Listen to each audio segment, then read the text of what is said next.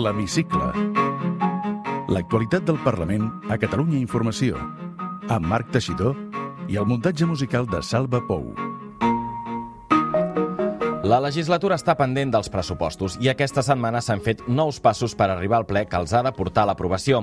Debat a la totalitat a la cambra amb les quatre esmenes a la totalitat presentades per l'oposició.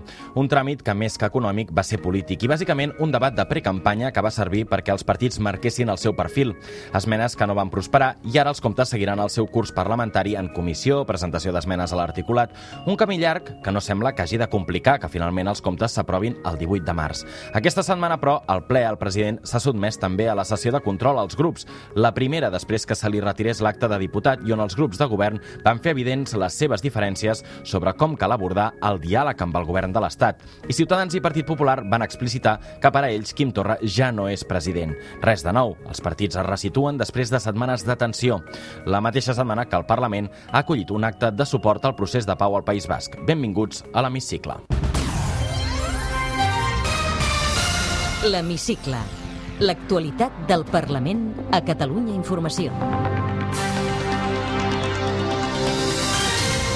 A l'hemicicle us explicarem com Quim Torra i Pere Aragonès han defensat els pressupostos. L'oposició hi presenta esmenes a la totalitat, però no prosperen. Junts per Catalunya i Esquerra veuen diferent l'oportunitat de diàleg amb l'Estat. Durant la sessió de control, Quim Torra manté l'aposta pel mediador. Polèmica per una pregunta sobre la campanya No em canvies de llengua. Anna R, de Junts per Catalunya, es disculpa després d'insinuar que hi ha catalans que no ho semblen per l'aspecte físic. El Parlament crearà una comissió d'estudi sobre la seguretat a la petroquímica. L'objectiu, dirimir responsabilitats de l'accident del gener i corregir errors de protocols. Lectura del manifest de la cambra a favor de la pau al País Basc. Roger Torrent assegura que mantenir els presos allunyats de casa és una venjança. I avui ens contestarà en una frase al qüestionari de l'hemicicle. Marc Parés, diputat d'en Comú Podem al Parlament de Catalunya.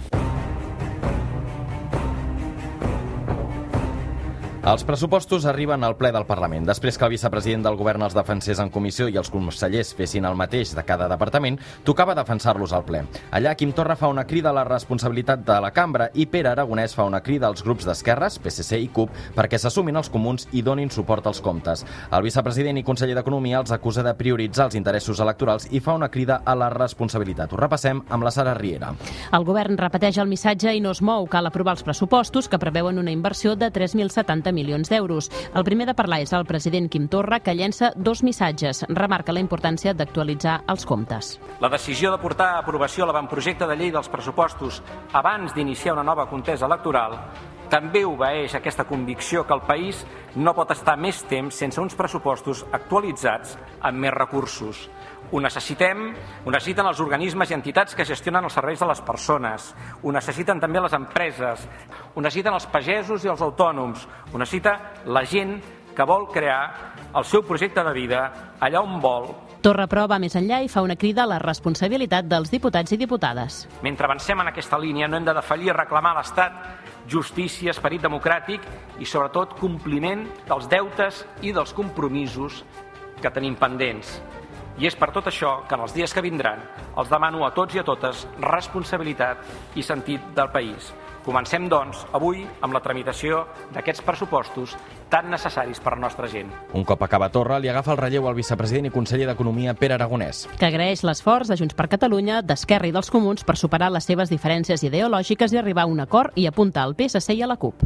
Perquè estic convençut que el Partit dels Socialistes de Catalunya, ni especialment la candidatura d'Unitat Popular, no es troben tan lluny d'un pressupost que destina 3 de cada 4 euros a polítiques socials. Els hi estenem la mà de nou, com a forces que s'autoreconeixen d'esquerres. Igual que el president Pere Aragonès aprofita l'ocasió i carrega contra la pressió del govern espanyol i dels deutes que aquest té amb l'Estat, com els 443 milions d'euros de l'IVA. El vicepresident recorda que, malgrat la flexibilització de l'objectiu de dèficit en dues dècimes, el govern continua reclamant el 0,3%. No ens van dir divendres quin seria el dèficit que reservava l'Estat, que ha acabat reservant-se doncs, una part molt més gran. Per tant, estem davant d'una actuació nova d'utilitzar, com deien el meu avi, quien parte reparte i se queda la mejor parte. Doncs això ha estat el principi fonamental de l'aplicació de la política d'austeritat a l'estat espanyol. Per tant, això és el que han anat fent els ministeris d'Hisenda, es diguin Montero o Montoro. I un cop presentats a grans trets els pressupostos, arriba el torn de debatre les esmenes a la totalitat. Ciutadans, PSC, CUP i Partit Popular n'havien presentat, però amb els vots de Junts per Catalunya i Esquerra i l'abstenció dels comuns les tomben i donen llum verda a la tramitació dels comptes. Cadascú per raons diferents, però tots els grups fan evident el seu malestar pel fet que, de portar uns comptes al Parlament que un cop aprovats el govern no desplegarà. Els primers a defensar la seva esmena són Ciutadans. L'encarregat és José María Cano, que creu que ni el govern es creu els comptes i els instal·la a negociar una millora del finançament per garantir una millor distribució i constata que els pressupostos perpetuen les desigualtats socials. También estamos presentando una enmienda a la totalidad, unos presupuestos que son, como siempre, unos presupuestos del monotema. Y esta vez, como remate final, digáramos, para rizar el rizo, es un presupuesto que contiene las fatales aportaciones de los comunes. Por cierto, señores de los comunes, eso de luchar contra la casta se les ha olvidado por los pasillos de las instituciones. El seu problema no és aquest pressupost, el problema és qui presenta aquest pressupost. Ja està. Des del PSC, Alicia Romero critica els comptes i els titlla de decebedors i diu que no reverteixen les retallades. Romero, a més, acusa Aragonès de negociar per necessitat aritmètica i no pas per voluntat de diàleg. Amb nosaltres no han parlat. I a més presenten un pressupost eh, que entenem que s'aprovarà, però que és d'un govern esgotat, que diu que després convocarà unes eleccions, que també parèntesi pels comuns, esperem que sigui així, i eh, a més hipotecarà la vida d'un futur govern i per tant a nosaltres el que ens semblaria és que el que hauria de fer doncs, és convocar eleccions i que el futur govern ja els pogués presentar. Zero propostes com a alternatives en el pressupost. I zero propostes i, i tot el dia mirant el retrovisor. Tot el dia mirant el retrovisor.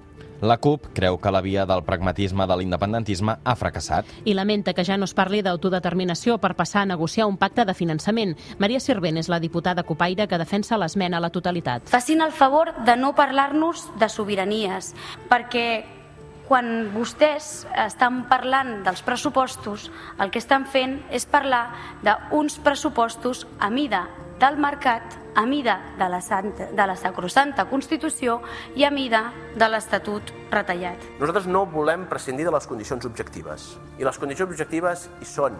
Per tant, fer veure que no existeixen ens podria portar a la contradicció de demanar desobediència en una cambra i acatar-la en un ple municipal. I finalment, el Partit Popular també carrega contra els comptes del govern. Santi Rodríguez ironitza amb el compliment del dèficit i apunta que no s'hauria imaginat mai que uns comptes d'Esquerra amb els comuns complirien amb el dèficit imposat per Madrid, però no pel govern socialista, sinó pel popular. Ens han portat uns pressupostos en aquest Parlament en, embolcallats, eh, amb un paper de regal i amb un llacet, molt macos, molt bonics, que el llacet i el paper de regal és la perspectiva d'infància, els objectius de desenvolupament sostenible 2030, l'emergència climàtica, i un tot il·lusionat obre el llacet treu el paquet i el que s'acaba trobant són exactament els mateixos pressupostos que vostès van aprovar el 2017. És a dir, no hi ha eh, res de nou.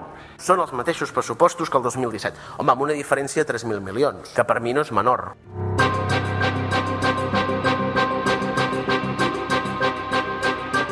L'Hemicicle. El Parlament a Catalunya Informació.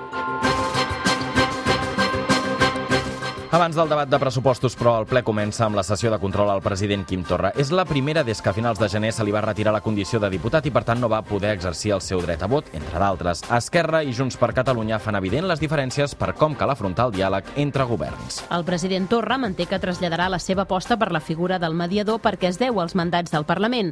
Això després que el republicà Sergi Sabrià li demani que afronti el diàleg amb el govern espanyol sense excuses. President, hem de persistir i persistirem en la idea del diàleg, sense excuses, excuses que, tot i semblar coherents, semblen amagar a vegades la intenció de voler-ho fer impossible. Nosaltres enfrontem aquest procés de negociació amb l'Estat sota uns principis claríssims. Primer, el de la responsabilitat. Segon, el de la força de la unitat i el del respecte a les decisions que pren aquest Parlament. El diàleg en si mateix no té, no té sentit. El diàleg té sentit si té un objectiu, si s'emmarca en un mètode, si no, podríem arribar al punt de banalitzar la paraula diàleg. El Partit Popular i Ciutadans mantenen que Torra ja no és president, però no renuncien al seu torn a la sessió de control. La líder de Ciutadans, Lorena Roldán, ho aprofita per fer aquest anunci. Hoy mismo vamos a presentar un recurso de amparo ante el Tribunal Constitucional porque usted hoy aquí nos está privando de nuestros derechos a los diputados de la oposición. A usted ya no le quedan puntos en el carné de presidente. No, no, ja poden encomanar-se a la suma aquesta constitucional o no sé què amb el, amb el Partit Popular perquè mm, de debò que ja els hi vaig augurar de tot aquest grup parlamentari, doncs si es queden en mitja dotzena ja serà, ja serà molt. Amb el Partit Popular la situació no és gaire millor i Torra i Alejandro Fernández es responen amb ironies. Segons es desprèn d'aquestes preguntes, vostè ja, ja deuen haver retirat aquella querella per usurpació de funcions, no? perquè estan fent una pregunta al president de la Generalitat. Si se fija, no le he nombrado en la pregunta. Yo se la hacía al señor Pere Aragonés, pero ya que interviene... Els comuns demanen a Torra que digui la data de les eleccions i que s'obrin a negociar el destí dels gairebé 500 milions que se sumaran als pressupostos amb la flexibilització del dèficit al 0,2% per part del govern de l'Estat.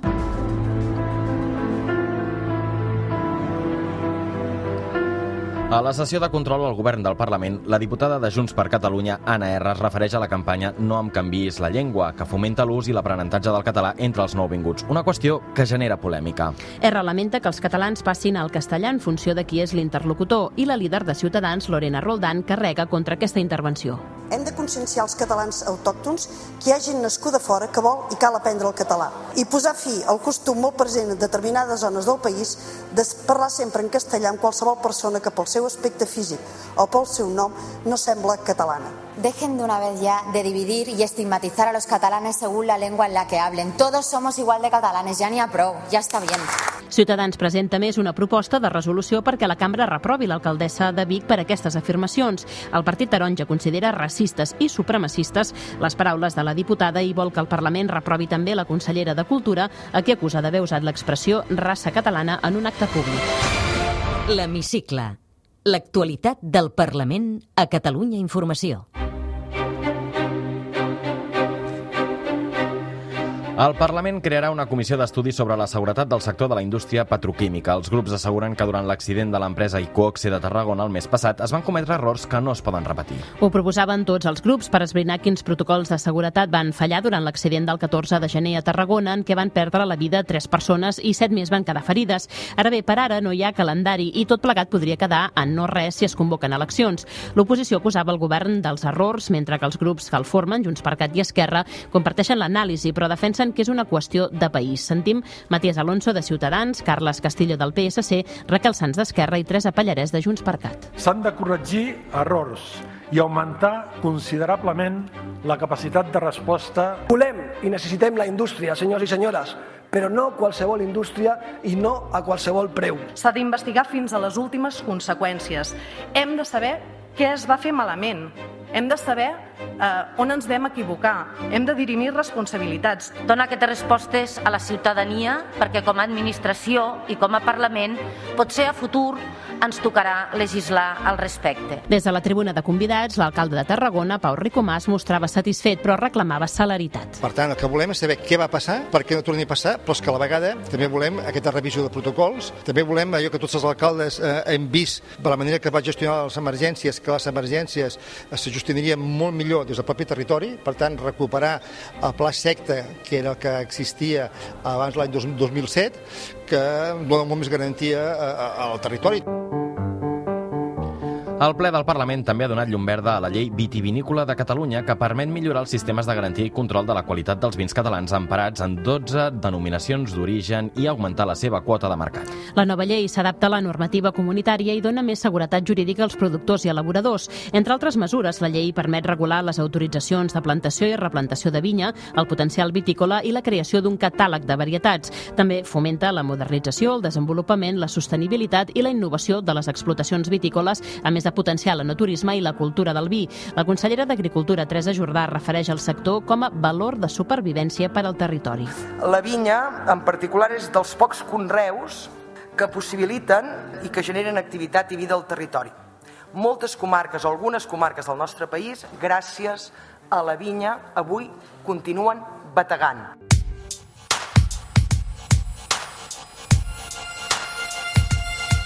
I el mateix dia que es va fer públic l'avançament electoral a Euskadi, la presidenta del Parlament Basc participava en un acte oficial al Parlament de Catalunya. Es feia la lectura del manifest de la cambra a favor de la pau al País Basc, des d'on Roger Torrent assegurava que mantenir els presos allunyats de casa és una venjança. Un acte breu però solemne presidit pels màxims dirigents de les dues cambres, la catalana i la basca. L'objectiu, mostrar el compromís del Parlament de Catalunya amb el nou escenari de pau que es veu a Euskadi i a través d'una declaració de la Junta de Portaveus signada per tots els grups, excepte Ciutadans i PP, aposta proposta perquè els implicats deixin d'alimentar, diuen, la lògica de revenja. Així ho argumenta el president Roger Torrent. I la política hi ha d'ajudar. Ha d'acompanyar aquest procés que la ciutadania basca ja fa temps que ha endegat. Ha d'eliminar obstacles. I el cas de la política penitenciària n'és un exemple paradigmàtic, perquè mantenir allunyats els presos, en aquests moments, en aquesta nova etapa, només es pot entendre com una mesura de venjança. A l'acte també intervé la filla d'una de les víctimes de l'atemptat de Barcelona del 1987 a Hipercor, que denuncia la solitud de les víctimes i la falta d'empatia de l'Estat. És Rosa Maria Cabré. A dia d'avui, un grup de víctimes d'Hipercor, l'Estat encara no ens vol reconèixer la seva responsabilitat civil subsidiària en l'atemptat reconegut per sentència aleguen prescripció de la demanda. Tenen raó. Però això és ètic? A mi això no em repara, a mi això m'ofèn. Cabré demana més suport i menys simbolisme polític amb estàtues i monuments de record. Moment ara de l'entrevista a l'hemicicle. Té la paraula Marc Parés, diputat d'en Comú Podem al Parlament de Catalunya. Negociació dels pressupostos amb el govern. El seu grup no ha amagat que volen que tirin endavant, però malgrat tot s'hi abstenen. Bé, perquè no són els pressupostos que nosaltres faríem, però sí que entenem que Catalunya necessita pressupostos amb urgència i al mateix temps són uns pressupostos on el nostre grup ha aconseguit uh, qüestions molt rellevants, no? com reduir les taxes universitàries o finançar les escoles bressol, entre moltes altres qüestions. Què faria diferent Catalunya en Comú Podem si estiguessin fent els seus pressupostos? Faríem un enfoc diferent des del punt de vista de la transformació que necessita el país, una transformació que entenem que ha de ser social i també ambiental, i en aquest sentit, en aquests pressupostos els hi queda encara molt per arribar en aquest objectiu que nosaltres perseguim. Estem encarant la, la, la recta final de la legislatura, segons va dir el president de la Generalitat. De seguida li pregunto com encaran vostès aquestes eleccions, però potser sí que és una mica estranya, però bons pressupostos hi ha eleccions, no? que el mateix govern que els aprova no els pugui desenvolupar. Bé, fa molt temps que vivim en l'estranyesa, diguéssim, en el nostre país, ja si analitzem el moment actual, que necessitem uns pressupostos urgents perquè fa 3 anys que no en tenim i perquè donen resposta a necessitats socials incobertes, i al mateix temps el mateix president ha dit que aquest govern està escutat, cosa cosa que nosaltres veiem des de fa molt temps, és un govern que no governa, un govern que no soluciona els problemes de la ciutadania i, per tant, és evident que calen eleccions ara. Primer pressupostos per resoldre les urgències, després eleccions perquè el país continuï, pugui continuar avançant en aquesta nova etapa de diàleg que s'obre ara amb el nou govern també a l'Estat. Ara sí, com encaren aquestes eleccions en què vindran a Catalunya aquest any? Doncs amb esperança, amb il·lusió, perquè entenem que estem en una nova dècada, una nova etapa on Catalunya en Comú Podem ha de ser decisiva per obrir un nou escenari de govern de progrés a Catalunya que pugui realment començar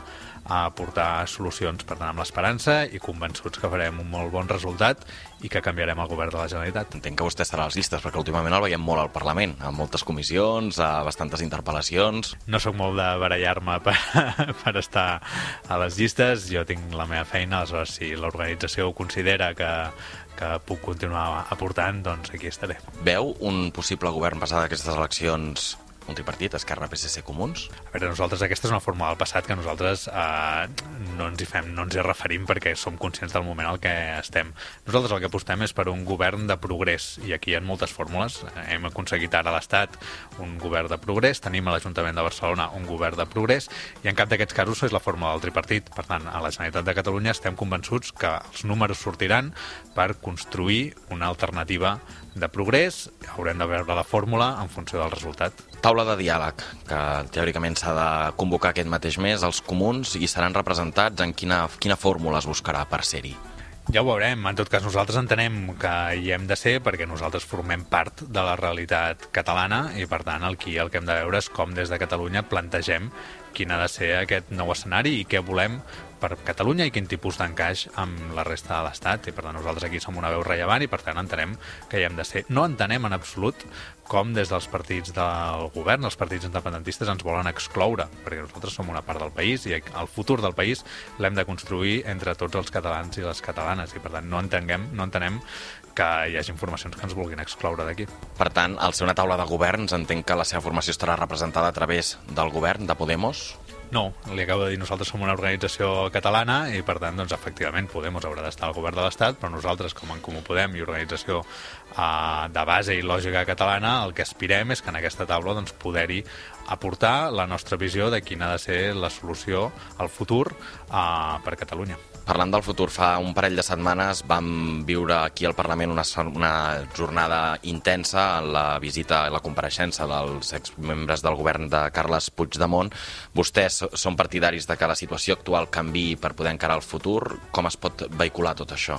Parlàvem d'una reforma del Codi Penal, per exemple, però vull dir, quina fórmula busca Catalunya en Comú Podem? Bé, la nostra pro proposta, que és la via Ascens, la que proposa Jaume Ascens, el nostre portaveu al, al Congrés, és justament aquesta, una reforma del Codi Penal per eliminar de forma urgent el delicte de sedició, que és un uh, delicte an antic, no? que no té sentit en el moment actual, i que permetria la llibertat immediata, el retorn dels exiliats, i sobretot també ens permetria doncs, que mai més es pogués aplicar aquest article contra ningú. Per tant, aquesta entenem que és la solució justa. Al mateix temps, nosaltres creiem que és prioritari que els presos i les preses surtin de la presó i que les persones exiliades puguin tornar, perquè si no, no podrem avançar, per una qüestió de justícia, però també perquè si no, no podrem avançar en el camí de la solució. Respongui amb una paraula o amb una frase, si pot, aquestes qüestions. Amb la crisi climàtica cal... Cal combatre-la i cal decisió eh, i cal actuar urgentment. La pobresa energètica és? La pobresa energètica és la impossibilitat d'assolir eh, el pagament dels subministraments bàsics i essencials per a la ciutadania. Quina llei li agradaria aprovar? La llei, una llei d'equitat territorial per lluitar contra les desigualtats al territori. Per què ha decidit dedicar-se a la política? Per transformar la societat i perquè m'agrada. Es veu algun dia liderant una candidatura a la presidència de la Generalitat? Nosaltres tenim una magnífica candidata que és Jessica Albiach. Què farà quan deixi la política? Tornar a la meva feina a la universitat. Fa autocrítica? Sí, sempre. Té una vocació frustrada? Mm, segurament moltes, però ara mateix no sabria dir-li quina. Mútua o salut pública? Salut pública. Pis de lloguer o de propietat? De lloguer. Una música que l'identifiqui? Red Hot Chili Peppers. Un paisatge favorit? El Montseny. Quin estil literari li és més agraït per llegir? Assaig. Amb què es posa content? Amb, la meva, amb els meus fills. I què li fa por? Moltes coses. Amb quin diputat o diputada d'un altre partit té pendent fer un cafè? Ruth Ribas. Completi la frase. El que més m'agradaria... Transformar la societat. Moltes gràcies. A vosaltres. Podeu tornar a escoltar l'Hemicicle al web catradio.cat barra hemicicle o al podcast del programa i seguir l'actualitat del Parlament al perfil de Twitter arroba L-hemicicle.